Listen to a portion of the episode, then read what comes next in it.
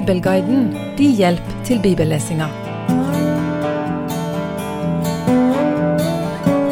De siste kapitler har handla om kampen mellom Saul og David. En person som hadde et veldig spesielt forhold til både kong Saul og den kommende kong David, det var profeten Samuel. Vi leser fra første Samuels bok, kapittel 25, vers 1. Så døde Samuel, og hele Israel samlet seg og gråt over ham. De begravde ham på hans hjemsted i Rama. Da brøt David opp og dro ned til ørkenen Paran. Mer enn dette står det ikke om profeten Samuels død, men det er en av de virkelig store forbildene eller trosheltene for oss, der døden beskrives med disse få ord. Første Samuels bok starter med gråten ifra ei kvinne som ønsker seg et barn, og som lover at barnet skal få en livslang tjeneste for Herren. Mora til denne ungen, Hanna, hun holder sitt ord og gir Samuel til øverstepresten Eli. Samuel holder òg moras lovnad med å gi hele livet sitt i tjeneste for Gud. Samuel han blir overgangen mellom dommertida og kongetida, og han blir slik sett den siste dommer og den første profet. Mange hadde profetert før han, men likevel regnes han som den første profet. Som tidligere nevnt så salver den første profet David til konge, og den siste profet, døyperen Johannes, han døyper Davidssønnen Jesus Kristus, som skal sitte på Davids trone til evig tid. Det sterkeste vitnesbyrdet for å oppsummere profeten Samuel sitt liv og virke, er etter min mening verset i kapittel 3, vers 19, der det står at ingen av Samuels ord falt tomme til bakken, fordi Herren var med han. Tenk for en kraft han da hadde. Men nå er et av bindeleddene mellom David og Saul, nemlig Samuel, død og vekke, og David er fremdeles på flukt. Vi leser videre fra vers to. I Maon var det en mann som hadde buskapen sin i Karmel.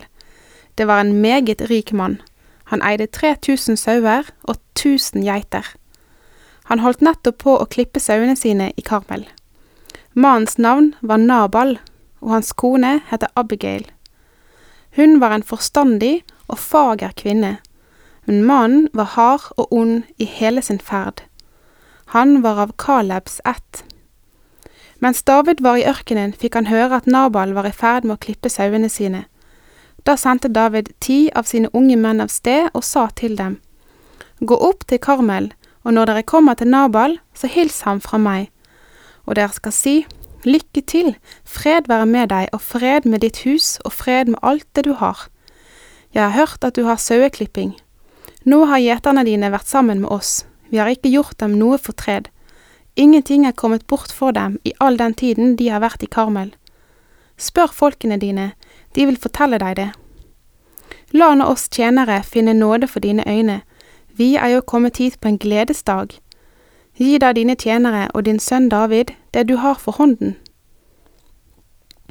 Da Davids menn kom dit, sa de alt dette til Nabal i Davids navn. Så sto de der og ventet. Nabal var rik. Han var kanskje ikke særlig lura, som vi snart skal se, og Nabal betyr dåre, eller mer folkelig kanskje, idiot. David sine menn har som en irregulær hær påtatt seg å beskytte buskapen til Nabal, noe som i så store, åpne ørkenområder trolig var noe en hadde behov for. Det er neppe enkelt å passe på 3000 sauer, og en tjuv kunne nok få med seg en sau eller to uten at sjansen for å bli oppdaga var særlig stor.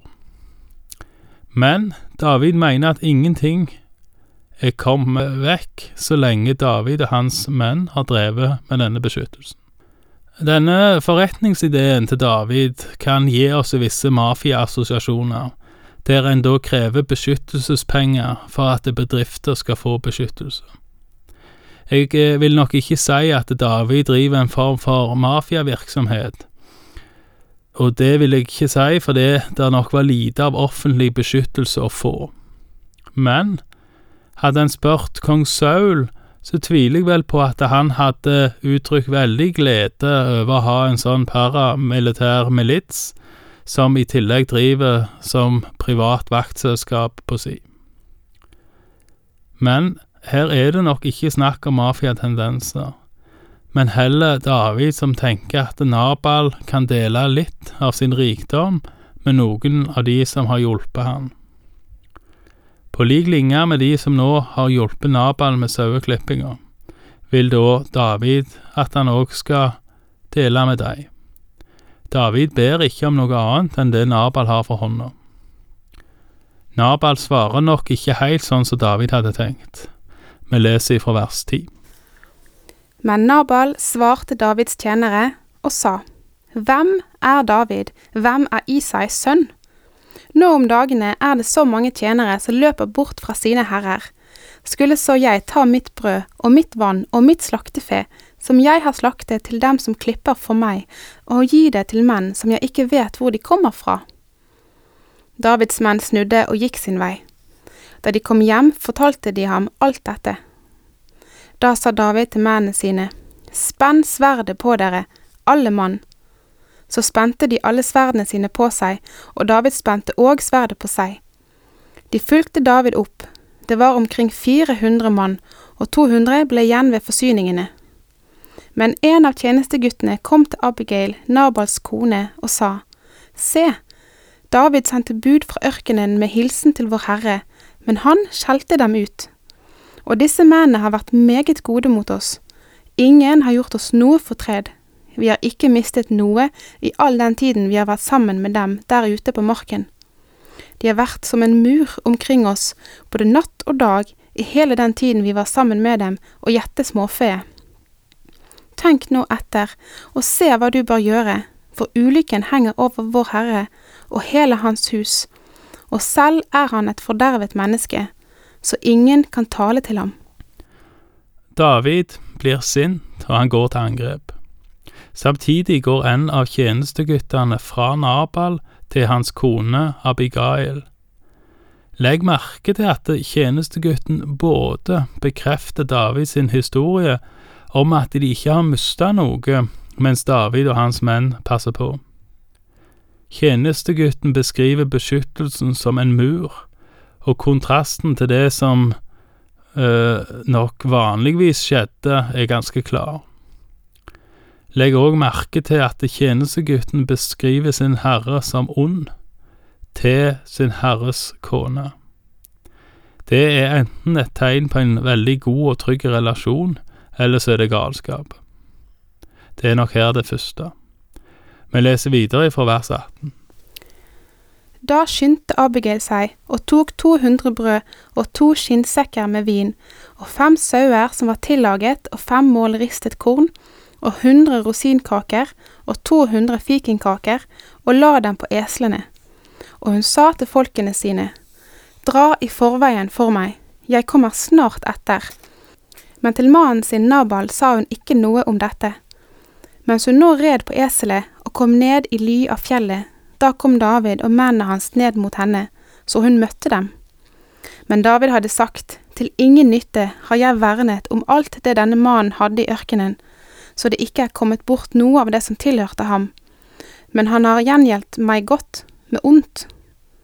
Så sant Gud vil la det gå Davids fiender ille både nå og siden, jeg vil ikke la en eneste mann av alle den som hører ham til, bli i live til i morgen. Da Abigail fikk se David, skyndte hun seg og steg ned av eselet. Hun falt på sitt ansikt for David og bøyde seg mot jorden. Hun falt ned for føttene hans og sa, Det er jeg, Herre, det er jeg som har skylden. Men la din tjenestekvinne få lov til å tale til deg, og hør på din tjenestekvinnes ord. Herre, bry deg ikke om denne fordervede mannen Nabal, for som han heter, så er han, Nabal heter han, og full av dårskap er han. Men jeg, din tjenestekvinne, har ikke sett de mennene som du, Herre, hadde sendt. Og nå, Herre, så sant Herren lever, og så sant du selv lever, har Herren hindret deg fra å pådra deg blodskyld og fra å ta deg selv til rette.